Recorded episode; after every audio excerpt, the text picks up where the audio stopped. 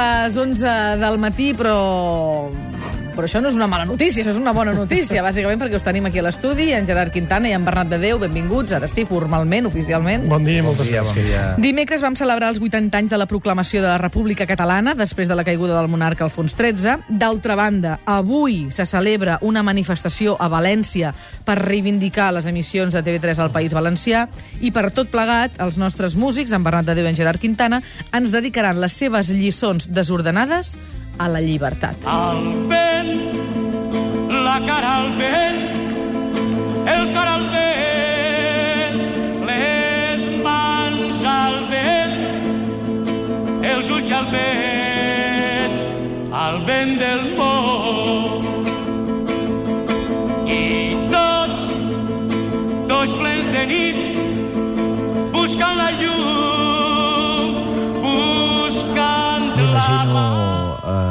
Tota l'audiència, tots els oients, a casa seva cantant aquesta cançó juntament amb el Raimon ara mateix. Aquesta cançó, bé, no necessita moltes presentacions, se n'ha parlat molt, símbol de, de llibertat i una metàfora d'aquesta llibertat, no, també?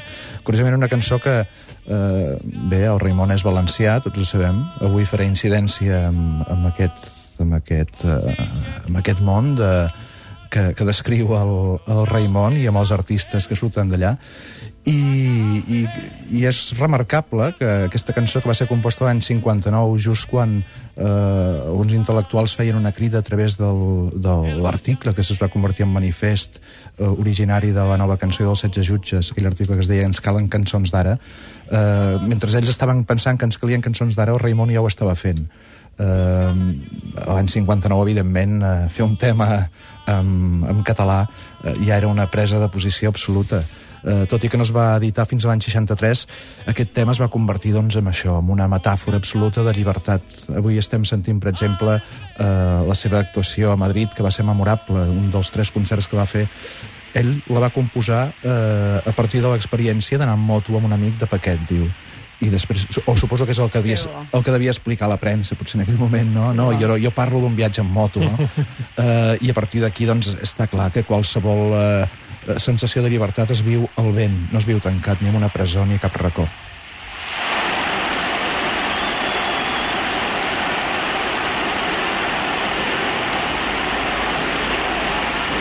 Això no és la manifestació d'aquesta tarda, no ens avancem, sinó que Oh. és el crit que se sentia a Madrid. Tant de bo sigui el crit que se senti també aquesta tarda.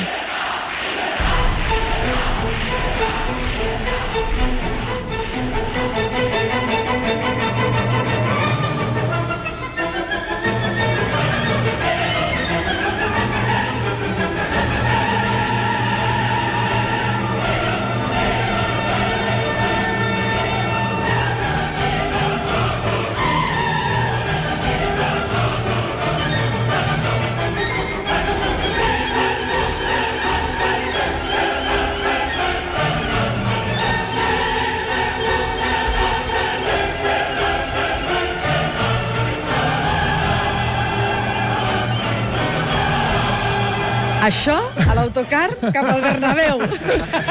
És una, és una música sensacional per, eh, en tant que preludi d'un partit tan bèstia. Bé, això és la, segurament la sinfonia més coneguda de tot el repertori occidental, la novena sinfonia de Beethoven, composada l'any 1824, quan eh, el pobre Ludwig, el nostre Ludwig, pràcticament estava en un estat de sordesa brutal. Eh, és una sinfonia, passa com una mica com el vent, no? Eh, de la qual se n'han dit moltes llegendes. En primer lloc, és un exemple de la llibertat més important per a un creador, que és la llibertat compositiva. Eh, quina seria la sensació a la gent que estava veient en aquella estrena quan de sobte amb una sinfonia, que gairebé sempre és una peça, una sonata per orquestra, i apareix aquest cor, i Beethoven el posa perquè em dóna la gana, perquè vol posar... Perquè des dels 22 anys estava obsessionat en posar música a aquest poema, a l'himne a l'alegria, eh, de Schiller.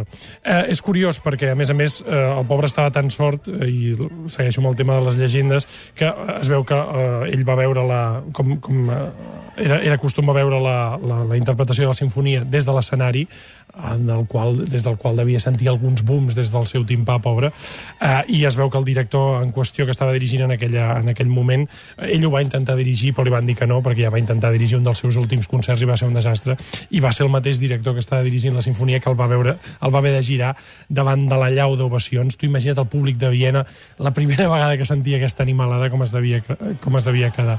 Uh, a més a més, Beethoven uh, feia 12 anys que no apareixia davant del seu públic i es rumor, es rumorejava, degut a la l'avantguardisme de les seves últimes composicions, que estava, que estava a part de sort, estava boig.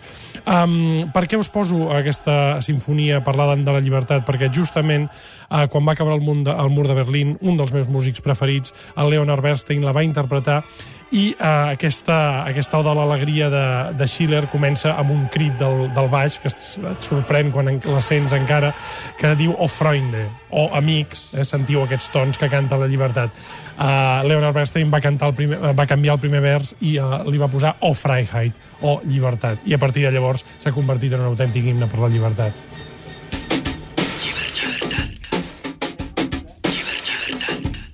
Els ulls interrogants de l'infant de ciutat, anel d'ample carrer, d'asfalt, de jardí urbà, de terrat, on l'àvida pupil·la junta el blau i la plana, la muntanya i la mar, i el pensament, el que l'esguard no abasta. Seguim a València, al País Valencià, i ara amb un artista actual que recull l'herència del Raimon, eh, de compromís amb la llengua i, i amb la música.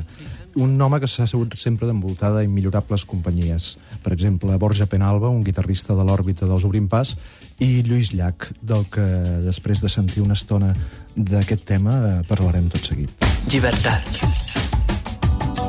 A les ales batents de l'ocell engaviat, frisança de nous horitzons, d'espais infinits, de rutes blaves i daurades, llibertat.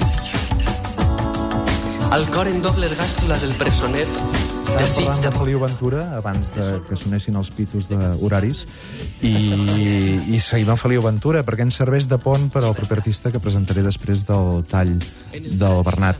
Uh, Feliu Ventura ha treballat molt, és un home autoexigent, eh, com deia abans, té un gran compromís i ha tingut la sort, doncs, en un moment donat, també de de trobar i de seduir musicalment eh, un home tan important com Lluís Llach, amb qui van fer junts un espectacle i també un disc que es va, es va traduir per eh, Que no s'apagui la llum i a partir d'aquí han tingut una relació força mm, professionalment estable. Per exemple, el darrer espectacle de Lluís Danés anomenat Llits, en el qual eh, els protagonistes eren eh, Albert Pla, Lídia Pujol, Bassa Raute, eh, tot el llibret que estava composat per eh, Lluís Llach, tot el llibret després i els textos eren d'aquest home que estem escoltant, Feliu Ventura, amb la col·laboració també de Borja Penalba. Llibertat. Bé,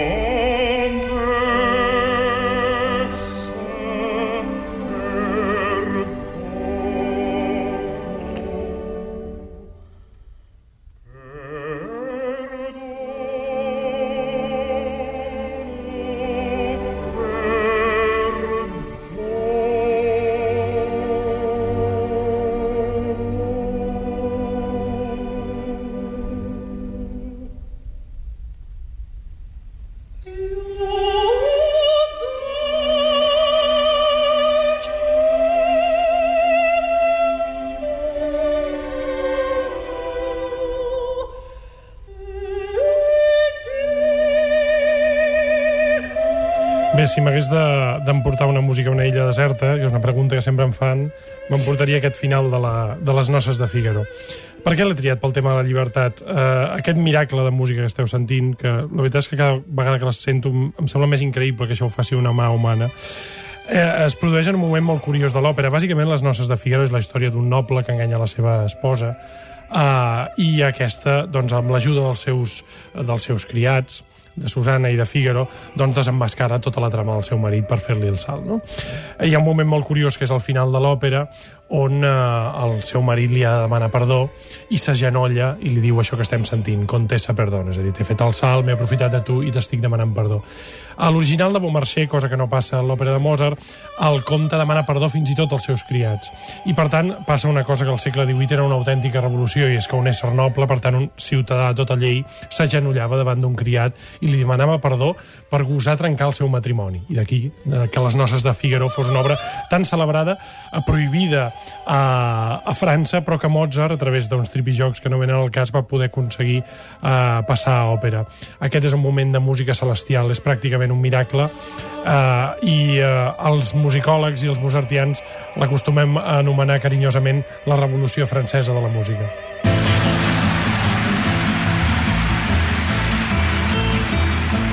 Aquesta, aquesta potser és una de les cançons considerades menors pel mateix llac del seu propi repertori. De fet, la va subtitular amb el mal nom de Cançoneta. Tots la coneixem per La Gallineta, evidentment.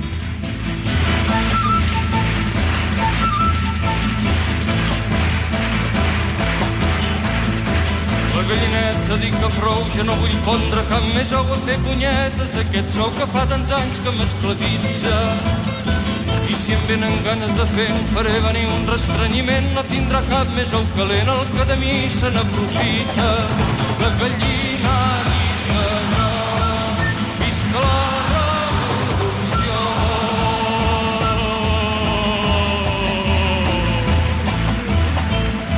Amb un tall molt hereu, de, molt senzill, de la chanson francesa, del mateix Brassens, aquesta, aquests puntejos, aquesta manera de fer.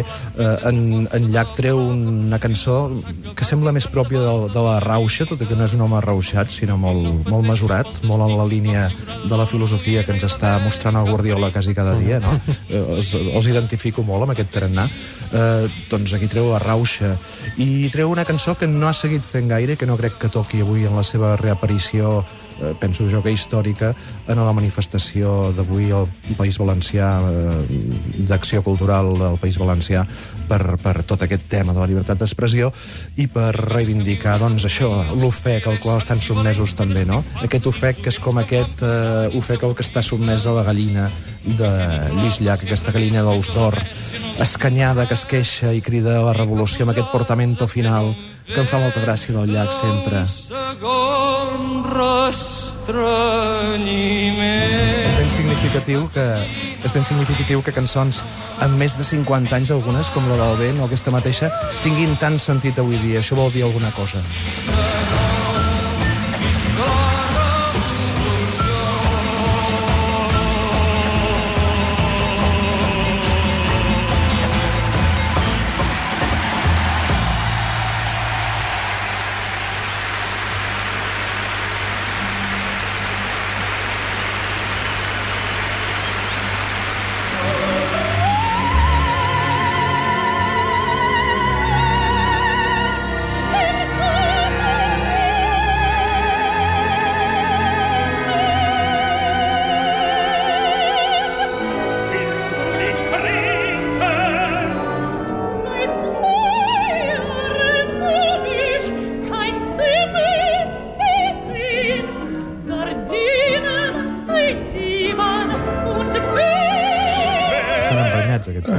La, Tatiana m'ha dit que vagi ràpid que i... tenen, no? Hi ha agulla que. Hi ha bulla i, per tant, com que m'han dit que vagi ràpid, seré especialment extens.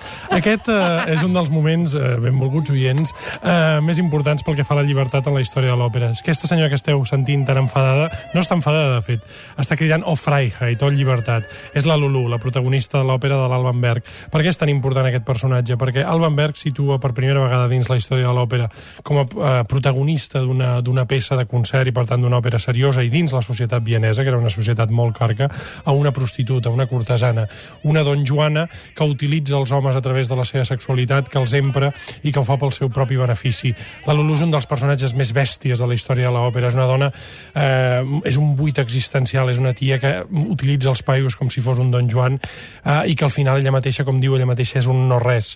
Eh, aprofita les seves capacitats de seducció per fer veure que tots els homes són uns insubstancials. Això sí que és una feminista, van la letra. i no altres tonteries que estem acostumats a veure, per cert. Um, Sí, sí, però has parlat d'ella agafes- com si fos un recipient Sí, buida i... però, i, i... però un recipient que fa veure l'absurditat del món, és aquest personatge tan, tan bèstia. Jo recomano moltíssim aquesta... Sí, sí, m'allargaré una mica més, perquè sé que tenim poc temps. Us recomano molt que sentiu tota aquesta òpera. De fet, aquesta escena que hem sentit és quan la treuen de la presó perquè l'han acusat eh, de prostitució.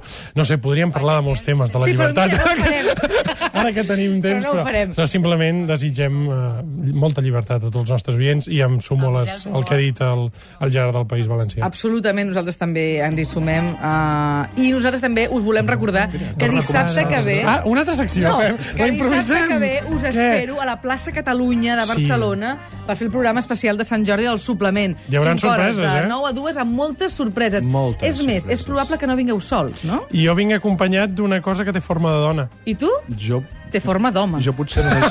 No, no, no. Perdona, no tu vens acompanyat d'una cosa que ve, té forma d'home. No Que fins i sé. tot pot ser un home. O potser només, eh, no sé, vinga en forma d'holograma.